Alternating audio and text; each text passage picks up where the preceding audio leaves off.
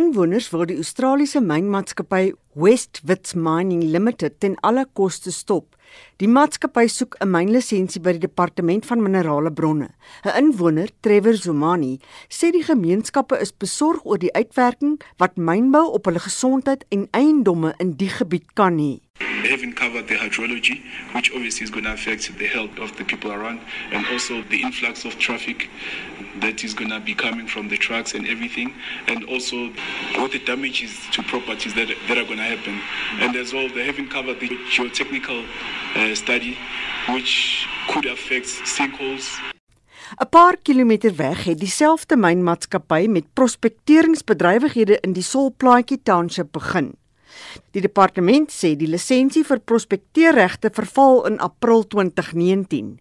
'n Woordvoerder vir die inwoners, Nyanda Kanyile, sê hulle gaan hof toe oor die saak omdat daar nie behoorlik beraadslaag is met al die gemeenskappe nie.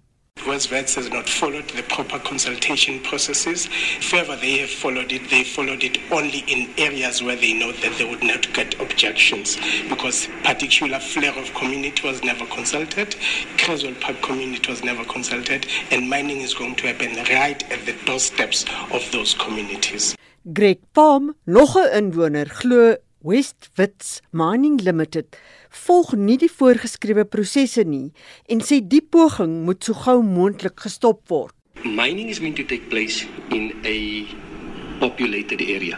Up until now, no one has come to my door, no one has knocked on my door, no one has spoken to me and said to me, Listen, we want to mine, what's your take? They're going to mine on my doorstep, but nobody's come to ask me. Fear of people are starting to ask now, what's happening?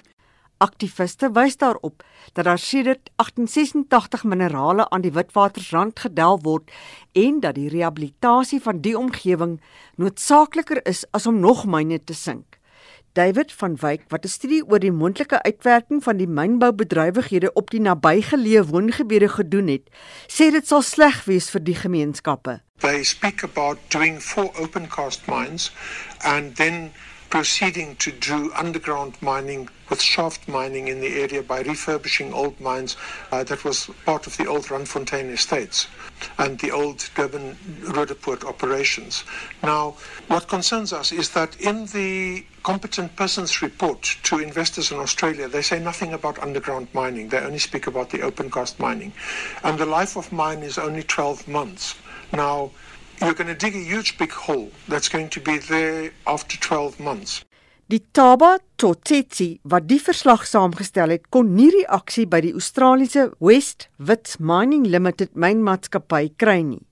Mitsi van der Merwe, SAK nuus.